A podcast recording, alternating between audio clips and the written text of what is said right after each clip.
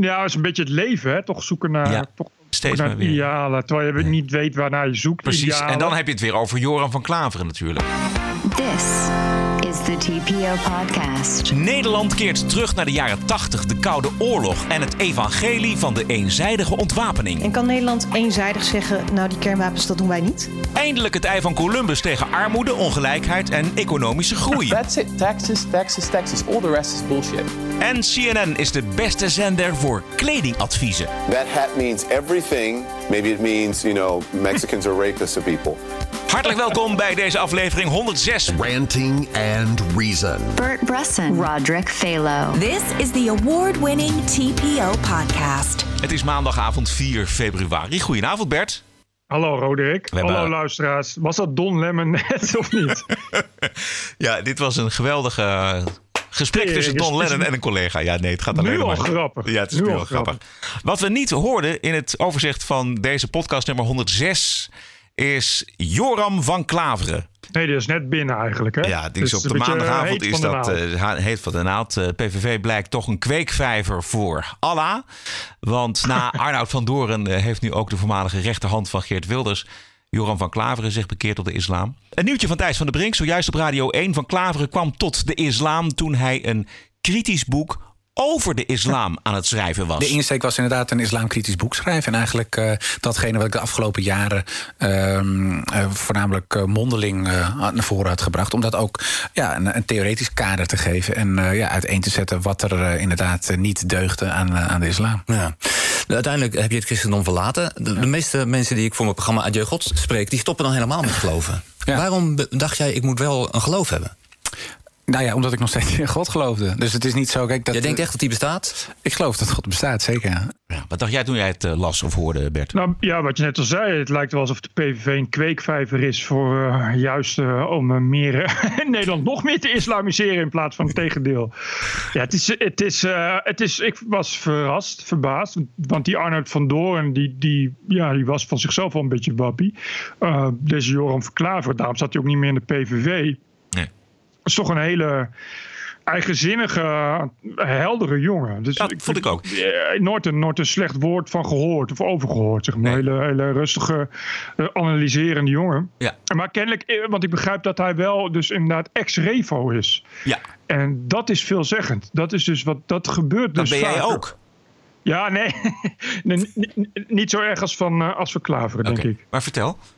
Nou, en- dat zie je ook bij eh, eh, moslims die zich tot het christendom bekeren. Als je al geloofd hebt, is het veel moeilijker eh, om daarvan afstand. Of, of laat ik het zo zeggen, het is als je helemaal nooit iets geloofd hebt, als je echt als atheïst bent opgegroeid, is het bijna uitgesloten dat je je zomaar gaat bekeren. Terwijl als je al geloofd hebt en daar, zoals Van Klaveren net al liet horen in het fragment, toch nog in God gelooft, dan is die overstap niet zo heel groot. En of dat dan christendom is of islam, of voor mijn part nog iets anders, maar de, het blijft daar een beetje in zitten. Het blijft daar een beetje in hangen. Ja. Eh, en dat zijn toch altijd waar, waar je de bekeerlingen vandaan haalt. Of het zijn ex-gelovigen, of het zijn junks, of mensen die heel ziek zijn, of gevangenen. Hè, dus die een reden hebben om tot geloof te komen. Want als je in de gevangenis zit of je bent junk, dan heb je het idee dat je daar, nou ja, iemand je van buitenaf een magische krachtje gaat helpen. Ja. Of je bent dus ex-gelovig, dan kom je toch weer, spreek je aan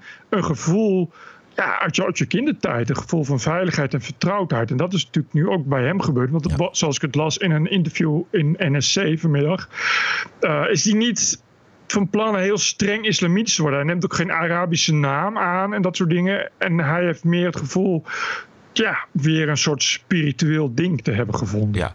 Hij, eh, in- uit het gesprek blijkt ook dat hij echt eh, is gaan studeren op de islam. En dat hij, hij Ja. blijft eigenlijk vrij rationeel. Er zit heel weinig emotie bij. Zoals ik hem ook ken, Joran van Klaver. Hij is een paar keer eh, bij RTL in Dunk te gast geweest. En daar, daar analyseert hij Oh ja. eigenlijk ook.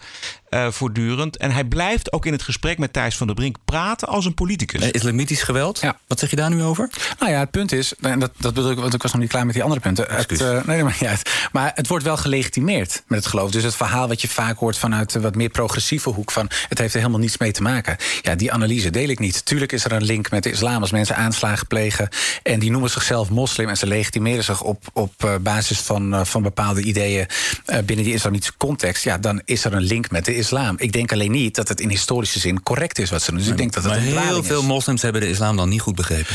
Eh, nou, ik weet niet of dat heel veel moslims zijn. Als het gaat om extremisten, die hebben inderdaad de islam niet goed begrepen.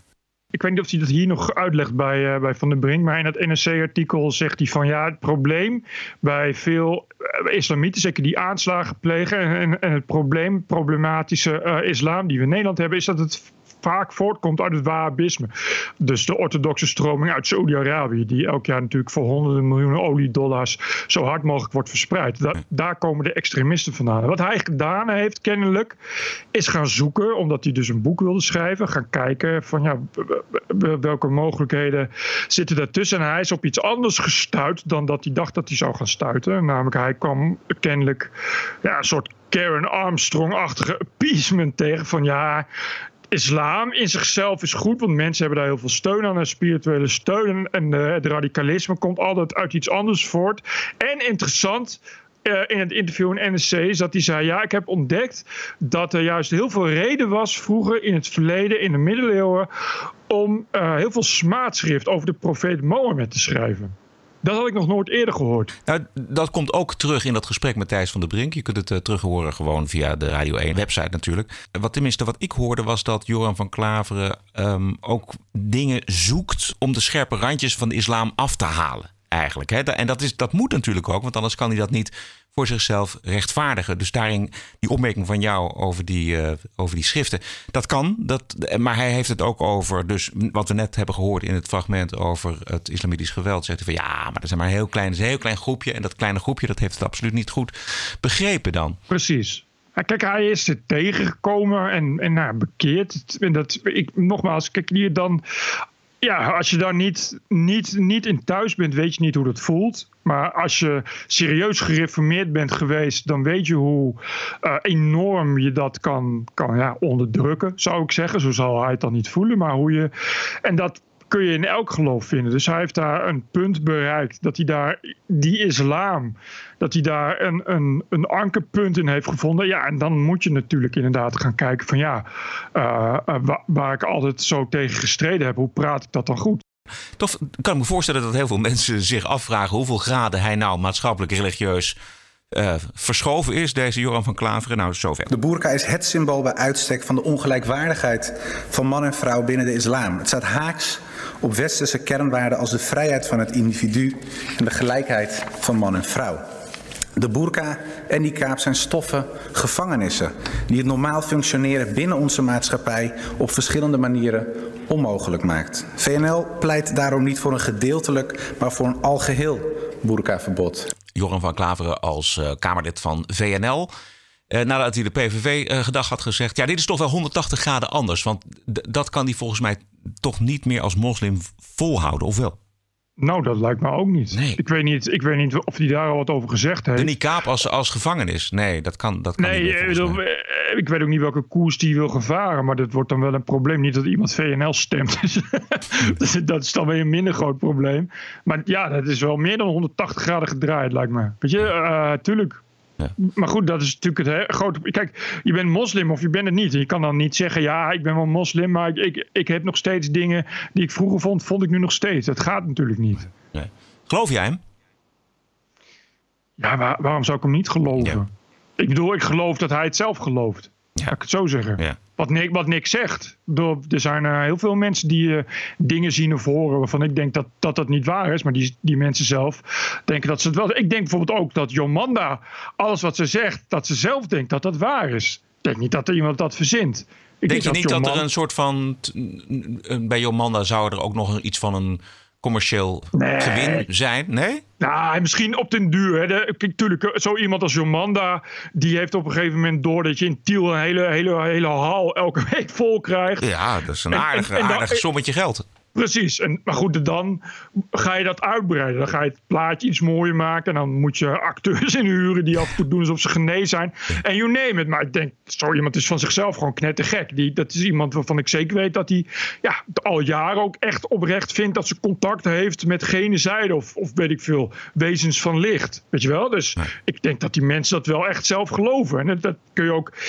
Mensen die een psychose hebben, die hoef je niet aan te twijfelen dat wat ze zeggen, dat ze zien of horen, dat ze dat ook echt horen. Je kan het zelfs aantonen. Mensen die, ja, uh, het bekende mensen die stemmen horen. Als je die mensen in een, onder een hersenscanner ligt, dan, dan ga je zien dat de, het gebied in hun hersens wat oplicht, is, is het gebied uh, wat oplicht als je iets hoort. Dus die mensen horen dat echt via hun oren. Ja. Daar gaat iets mis in hun hersenen. Maar ik denk dat Joran van Klaveren dat ook, dat, dat, en, dat ook zo gelooft. En dat is dus. Ja, ik zeg je nogmaals, als je, ik weet niet hoe serieus Revo die is geweest. Maar als je serieus Revo bent geweest, ben je behoorlijk getikt geweest. Nog één keer Thijs van der Brink op Radio 1. Wat vindt je vrouw, Joran? Uh, waarvan? Van jouw bekering. Uh, nou ja, zij uh, heeft aangegeven dat ze vindt dat ik moet doen uh, waar ik gelukkig van word. En zij wist natuurlijk dat ik al langer een beetje zoekende was.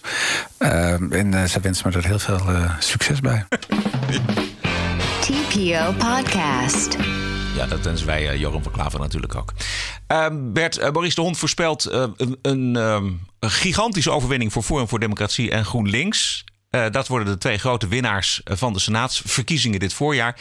En de huidige coalitie die haalt bij lange na niet meer de meerderheid in de Eerste Kamer. Hij denkt dat er een opkomst komt van 50%, wat veel is voor uh, de provinciale oh, dat is staten. Veel, ja. ja. Maar um, goed, dat, kan. Dat ja. kan. Forum voor Democratie wint er vijf tot zeven zetels. Voor GroenLinks plus drie tot vijf. Dus die komen op zeven of negen zetels. En dan krijg je dus eigenlijk de situatie die lijkt op uh, die van Trump in Amerika.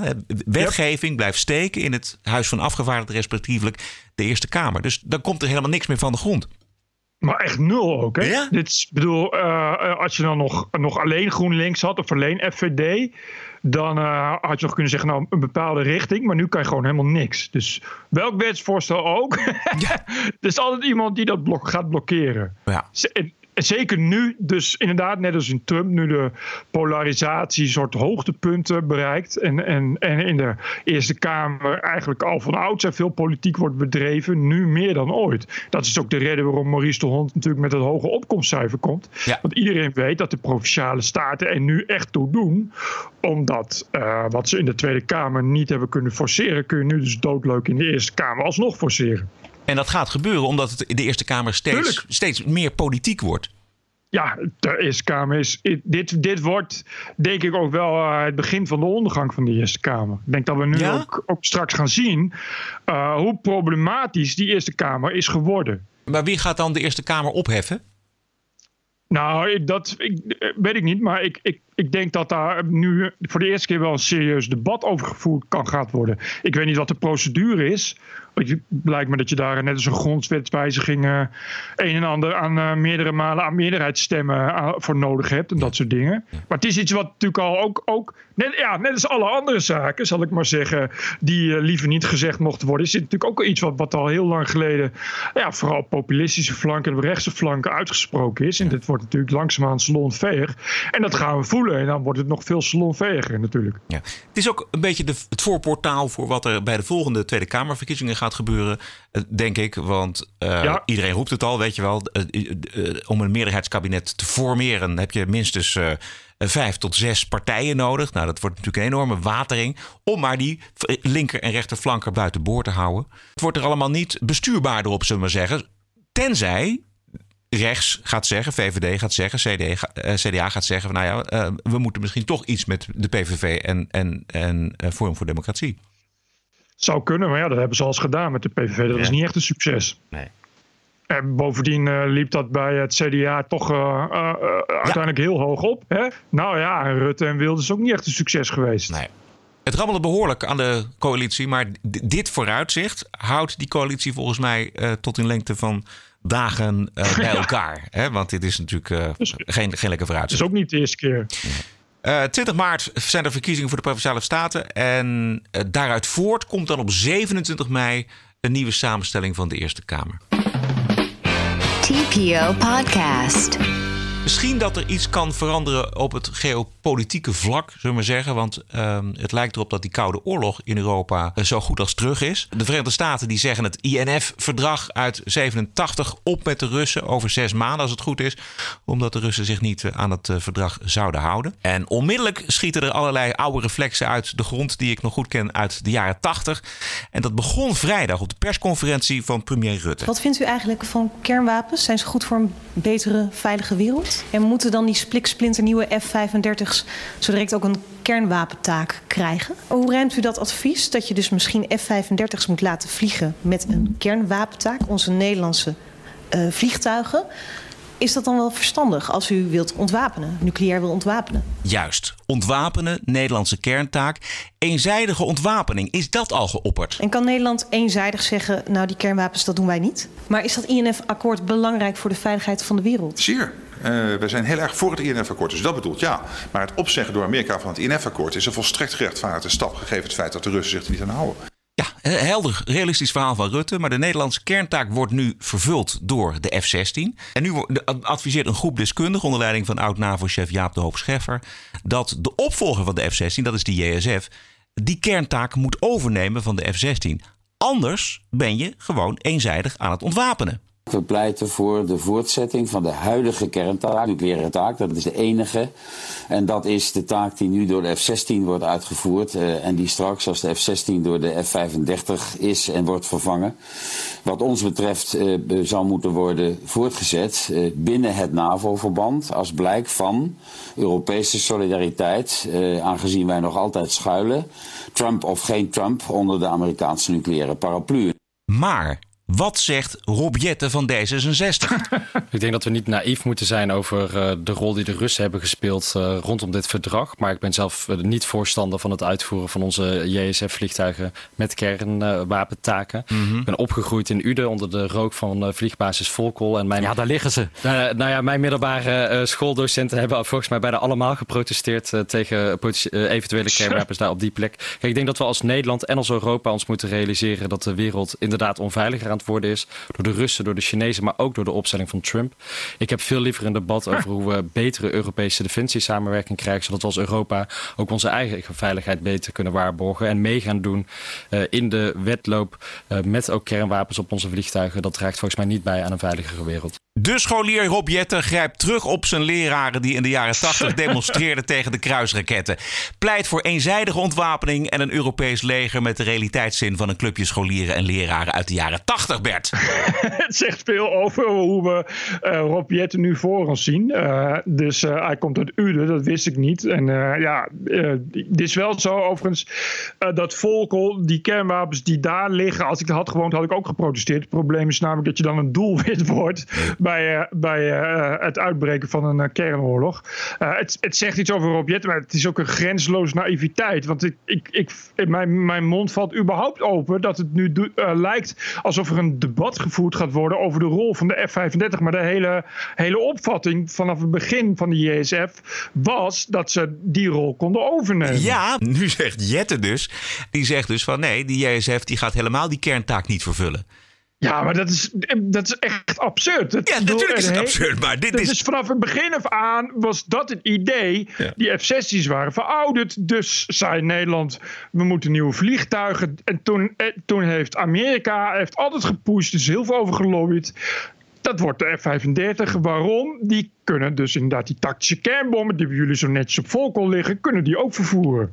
Dat is een onderdeel van het, van het, van het strategisch kernplan van Amerika, ja. van de NAVO. Ja. Punt. Maar, ja, maar wat ik dus constateer, Bert, en, is dus dat we helemaal terug zijn in de jaren tachtig, waarin weer de eenzijdige ontwapening als ideaal dat staat. We, die, Jette zegt het zelf. We moeten naar een, een, een mooiere wereld en daar horen kernwapens niet bij. Dus die hele afschrikking, die techniek, de manier waarop de Koude Oorlog geëindigd is 87 met dat verdrag, met zeg maar het powerplay van Ronald Reagan.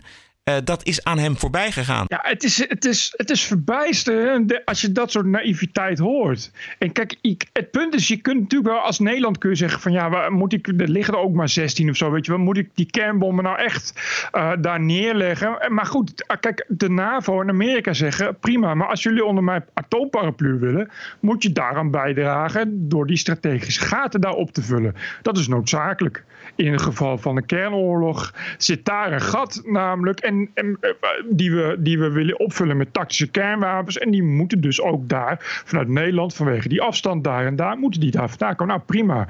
Eh, als je dan gaat zeggen ik doe niet mee, oké, maar dan kun je niet onder die atoomparaplu. En denken dat dat geen probleem is in deze tijd, is, is absurd. Ik bedoel, de Russen hebben nu Iskander-raketten. Dat zijn ballistische raketten op korte afstand. Die hebben ze ja, eigenlijk uh, zo aan de grens gezet dat ze Polen kunnen bereiken.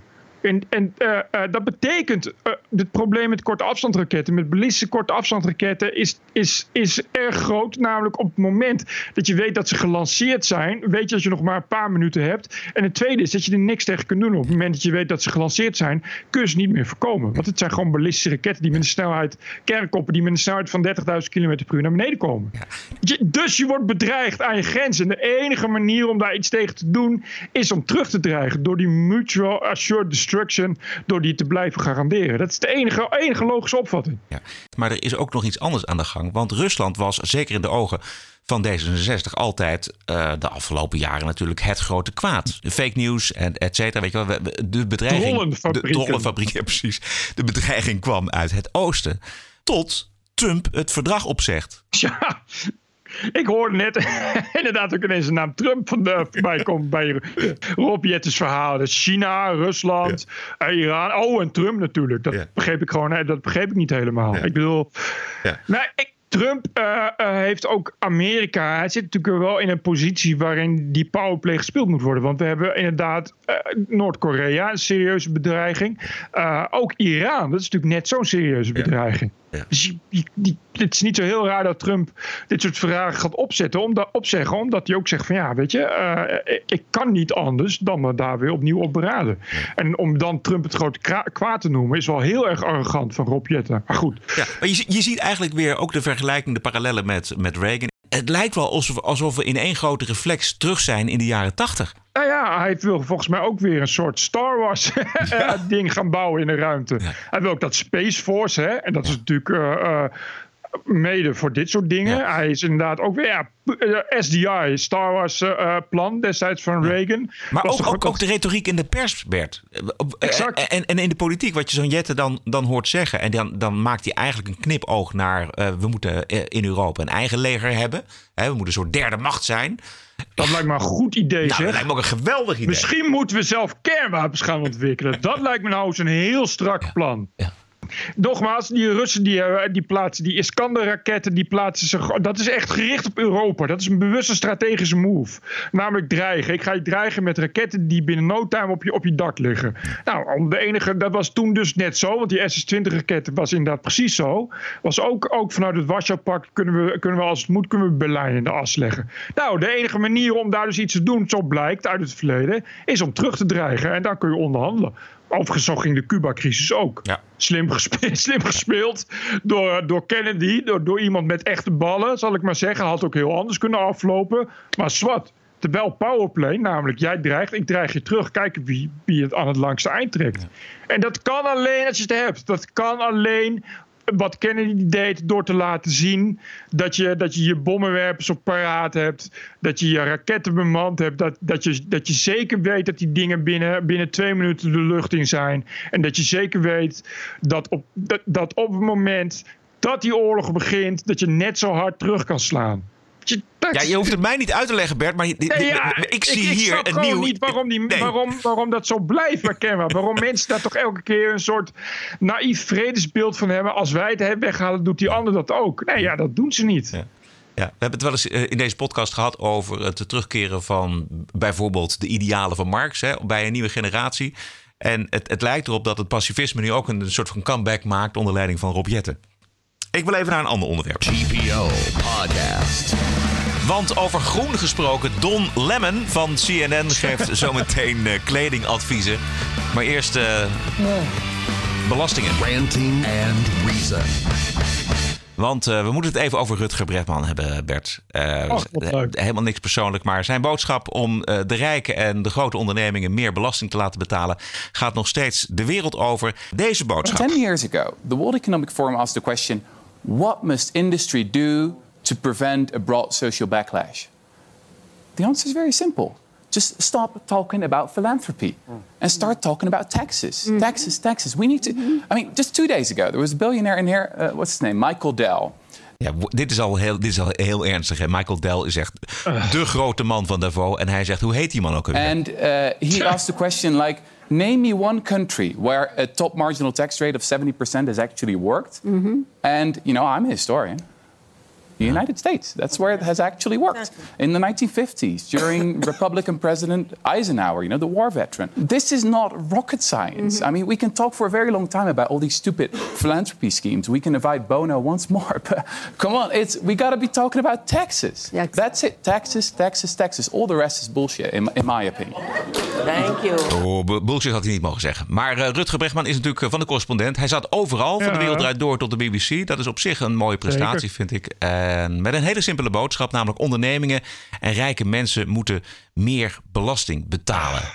Ik hoor je, ik hoor, ik, ik hoor je Bert. Ik hoor dat Ik je, moet, ja, je moet even ik kan er gewoon niet meteen. Nee, maar nee, maar het, het, Het is zo erg. ja. Echt. En toch wil ik het even er over hebben met je. Want het gaat Ja. om ehm, natuurlijk om belastingontwijking via belastingparadijzen zoals Nederland. Ja. En het gaat om de race naar de bodem, zeg maar, naar de bodem. Iedereen die maar lager en lager gaat met die vennootschapsbelasting om ondernemingen te lokken.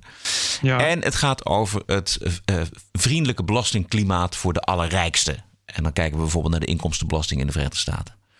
Kijk, als je met, met, met, met 70 privéjets aankomt in Davos. en je gaat het hebben over equality en over een betere wereld. dan, dan, Ja, dan klopt er iets eens. natuurlijk niet. Hè? Eens. Dus, Eens. dus nou is het gevoel, die Bregman die heeft natuurlijk wel een punt. Kijk, dat idee van, van ongelijkheid, het moet gelijker worden, is, is, bestaat al heel lang. Misschien niet onterecht als je aan de bodem zit. Dan heb je daar eh, zeker gemengde gevoelens bij, op zijn minst. En eh, het idee is natuurlijk, het is begonnen met de bankiers en nu zijn het de rijken. Dat zegt je ook, de rijken. Het zijn de rijken hebben dat gedaan.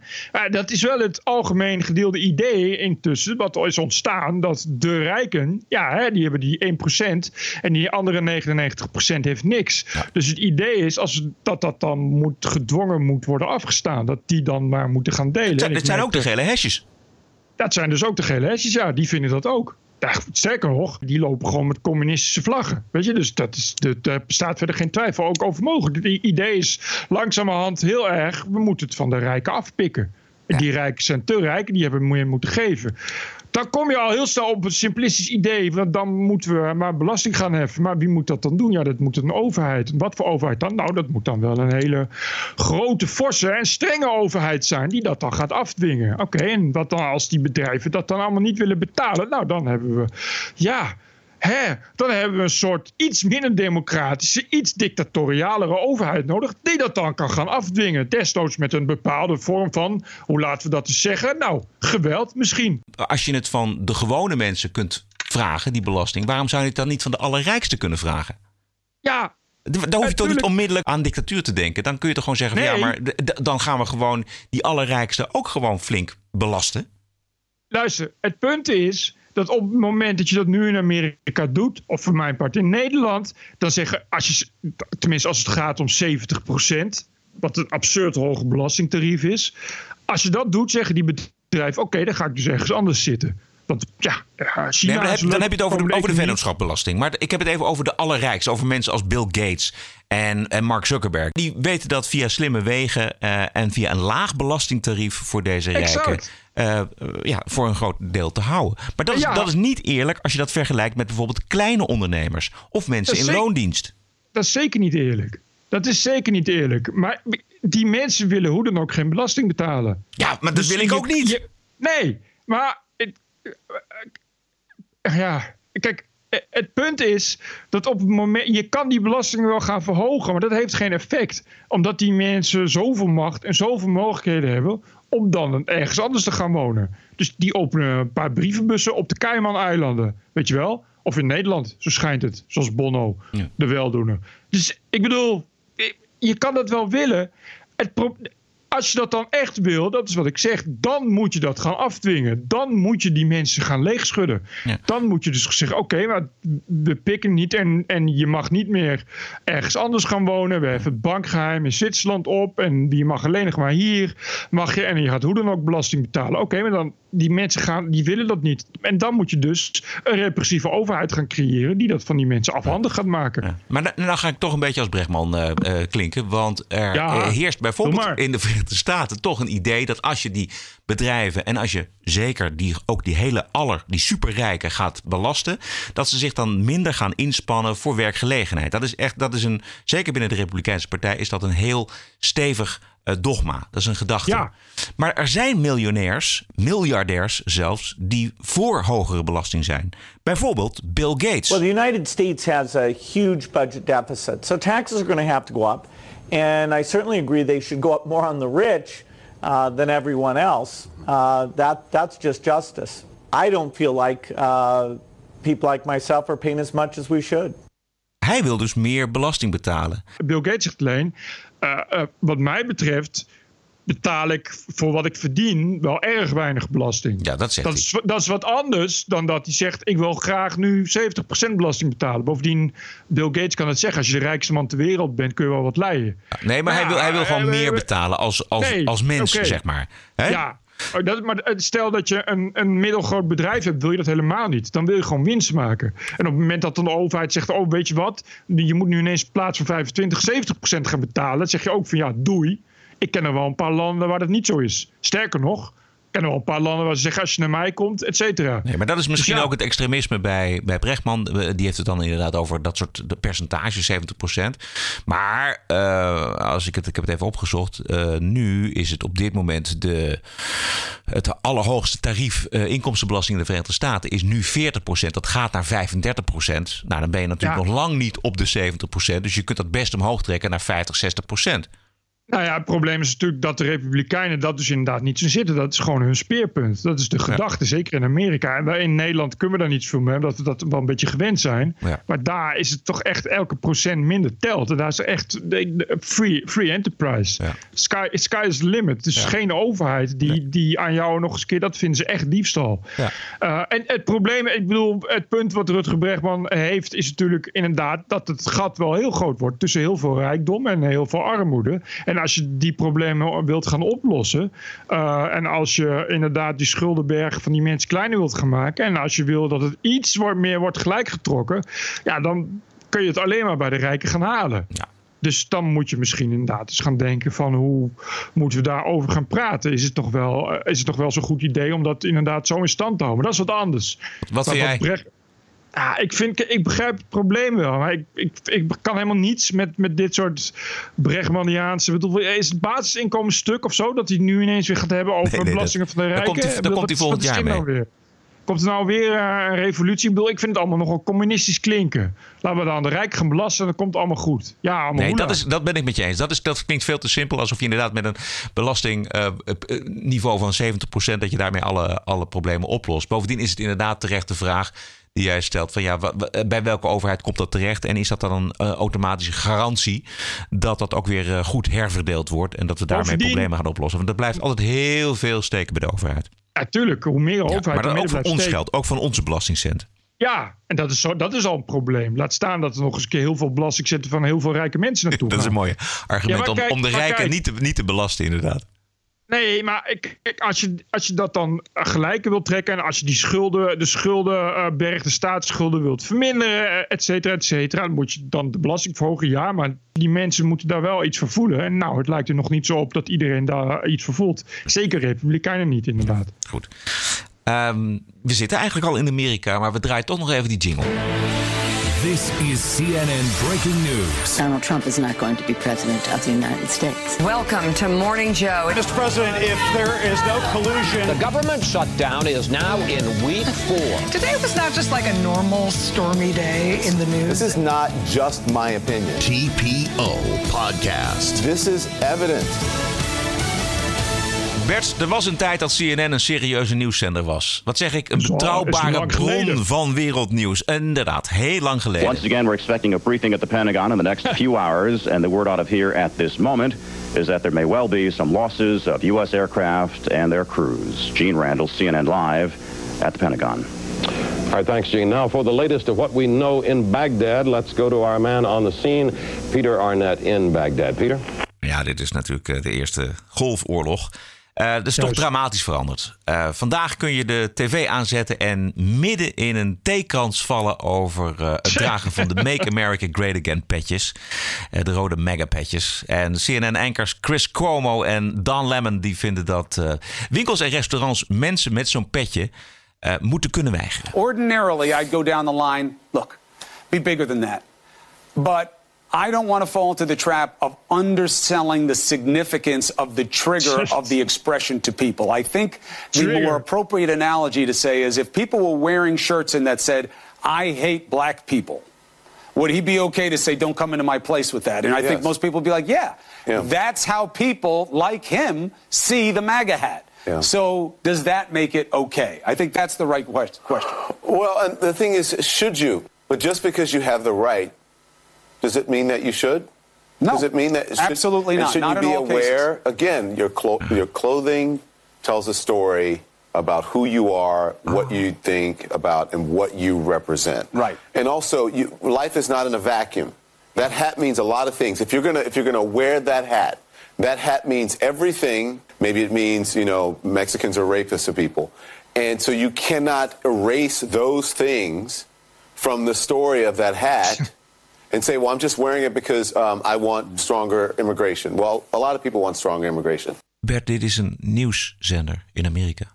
Dit eh, klonk ook als serieuze volwassen mensen. Dit is CNN. Dit is Don Lemon. Oh. Dit is Oh, Chris dacht- Cuomo. Dit is de zender dacht, van eh, The Sky Over Baghdad is Eliminated. Ja, ik, eh, ja, ik, ik, ik moet er even van bijkomen. Ik vind Je valt vooral, van je eh, stoel. ik- ja, nee, mijn telefoon viel. Ik, ik, ben, ik, eh, ik, eh, ik vind vooral... eh, ja, de conclusies die deze heren trekken vind ik, vind ik kostelijk. Dat is, dat is dan, ja... Zou je iemand binnenlaten met een ik haat zwarte t-shirt? Nee, want dat begrijpt iedereen. Dat, dat staat ik haat zwarte. Dus om dat nou in je restaurant binnen te laten... wordt geen gezellige avond. Oh, nee, maar dan dus ook mensen met een maga-petje. Want dat is hetzelfde. Ja, dan kan ik nog wel honderd bedenken. Dan, moet- je moest eens horen wat, wat Don Lemon zegt. Als je zegt van ja, ik vind mensen met een zwarte huidskleur.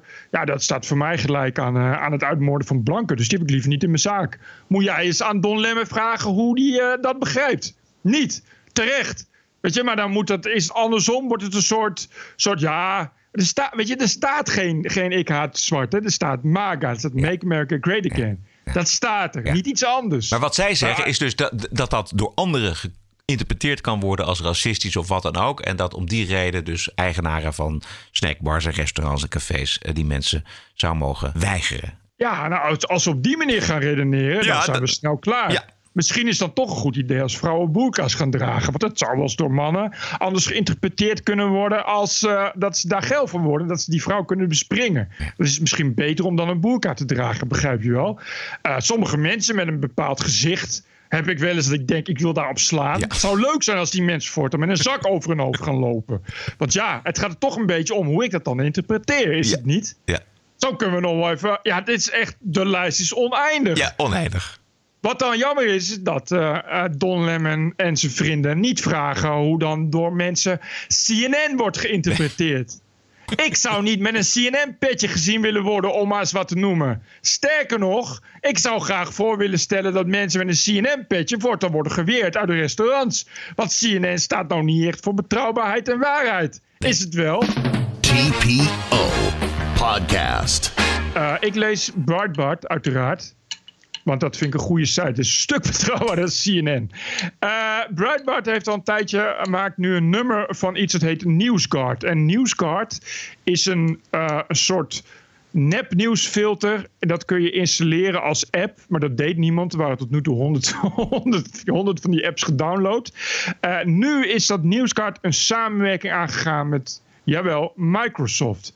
Dit betekent dat op alle nieuwe mobiele browsers van Microsoft zit automatisch NewsGuard. Eh, wat doet NewsGuard? Dat betekent dat als je eh, aan het browsen bent en je komt op een nieuwssite, dan zie je ofwel een rood vlaggetje met een kruis. Dat betekent nepnieuwssite, pas op. Ofwel een groen vlaggetje met een vinkje. Dat betekent, dit is een betrouwbare nieuwssite. Nou mag jij raden welke sites betrouwbaar worden gezien en welke sites niet. Je tijd gaat nu in.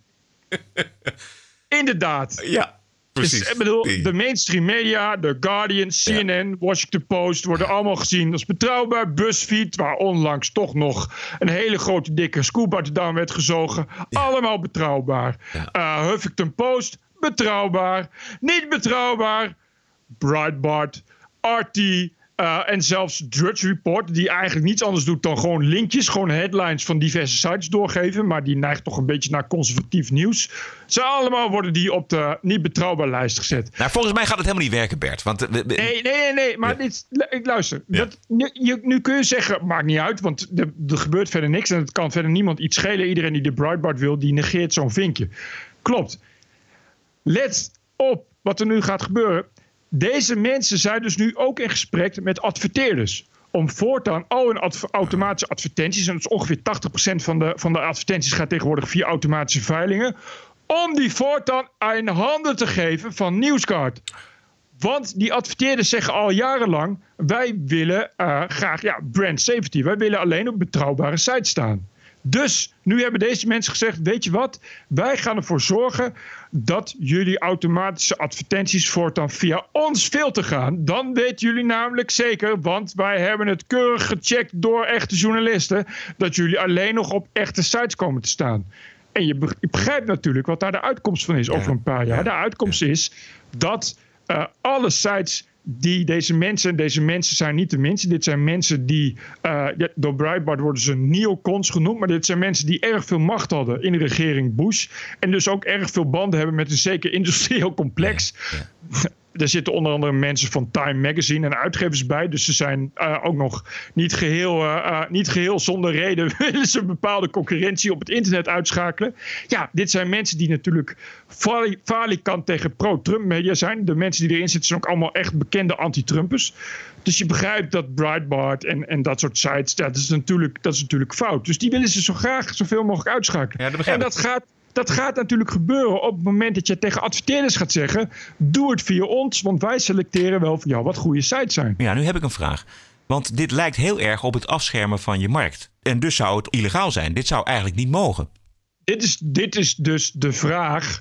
Uh, of je dat zo kan bestrijden. Ja. ja. Hoe dan ook gaat Trump daar natuurlijk wel iets van vinden. Ja. En gaan Republikeinen het congres ook. Want dit, dit riekt natuurlijk heel erg naar kartelvorming. Juist. Dat is, is in dat, dit zeg goed. Tegelijkertijd kun je beroep op je vrijheid. Want ik, ik, ik, kijk, het staat mij natuurlijk vrij om naar Microsoft te gaan en te zeggen: hey, wil je over je honderden miljoen gebruikers dit, dit uh, verspreiden? Nou, oké, okay, als Microsoft dat doet, moeten ze dat maar doen. En het staat natuurlijk ook adverteerders vrij om te zeggen: nou ja, wij willen onze advertenties alleen maar op speciale selectieve sites. En wij willen graag uh, ja, toch alleen het progressieve publiek bereiken, et cetera. Ja. En dat ga ik via hun doen. Dus, dus ja, is het, dan, is het dan kartelvorming of is het dan gewoon vrije markt? Oeh, slechte ontwikkeling. Daarom moet iedereen een TPO Plus abonnement nemen. ja. En, ja, en, en welke garantie uh, heb jij, kun jij ze geven? De lezers. Nou, ik, ik heb de garantie is als er voldoende TPO Plus abonnees zijn, maar dan moet het er wel echt een paar duizend zijn, is dat ik oneindig kan voortbestaan. Als ze elk jaar een abonnement uh, uh, uh, vernieuwen, yeah. zal ik maar zeggen, yeah. dan, dan kan dat. Maar dan heb ik wel echt 10.000 abonnees nodig. Maar met, ik heb. Uh, ja, ik heb natuurlijk lopende kosten. En met, met 1000 abonnees die ik nu heb, zo'n 1500. Dus ik heb er niet zo heel veel nodig. Heb ik al een eerste basis. Waarvan ik zeker weet dat ik mijn lopende kosten kan. Uh, uh, nou, en ook wel kan betalen. Um, als ik dat ook nog. Ja, als ik, als ik zeg maar vanaf 10.000 TPO Plus abonnees zou ik niet eens adverteerders nodig hebben, bij wijze van spreken. Dus als die helemaal zouden wegvallen, liever niet. Maar als dat zo zou gaan gebeuren, dan zou ik daar inderdaad wel verder mee kunnen. Nou, dat, dus het dat, kan dat, wel. moet lukken. Het kan wel. Het Dat- kan wel. Het, is- ja. dit is echt een. Ik vind dat wat dat betreft, zie ik dus altijd wel iets in het, het de correspondent-model. Dat je dus.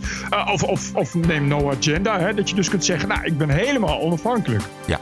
Van welk merk dan ook. En ik kan zeggen wat ik wil, want de enige die mij betaalt zijn mijn lezers. Precies. Dus daar valt veel van te zeggen. Dus, dus als alle nou, ongeveer 10.000 luisteraars bereiken we dan zo, eh, als je na een maand terugkijkt. Als al die 10.000 mensen nou 40 euro per jaar betalen voor een TPO Plus abonnement. In de toekomst wordt het misschien nog wel goedkoper, omdat dan die 21% BTW eraf gaat. Maar als al die mensen nou gewoon, nou ja, dus, dus 35 euro per maand betalen, dan kunnen we echt heel veel. Tot zover aflevering 106. Vindt u dit een leuk geluid, een belangrijk geluid? Steun ons dan met een donatie. Dat helpt de podcast, dat helpt ons. En uiteindelijk u zelf natuurlijk. Ga naar tpo.nl slash podcast. Daar vindt u alle mogelijkheden om iets te doneren. Of om lid te worden van TPO Plus. Terug zijn wij dinsdag de 12e, 12 februari. Heb een mooie week en tot dinsdag. Tot dinsdag, luisteraars. Het was weer leuk jullie gesproken hebben. En we gaan er weer uit met een knaller. Podcasting is the TPO podcast in the Netherlands. Bert and Roderick. What a show. I'm telling you. TPO Podcast. Bert Bruson, Roderick Balo, ranting and reason.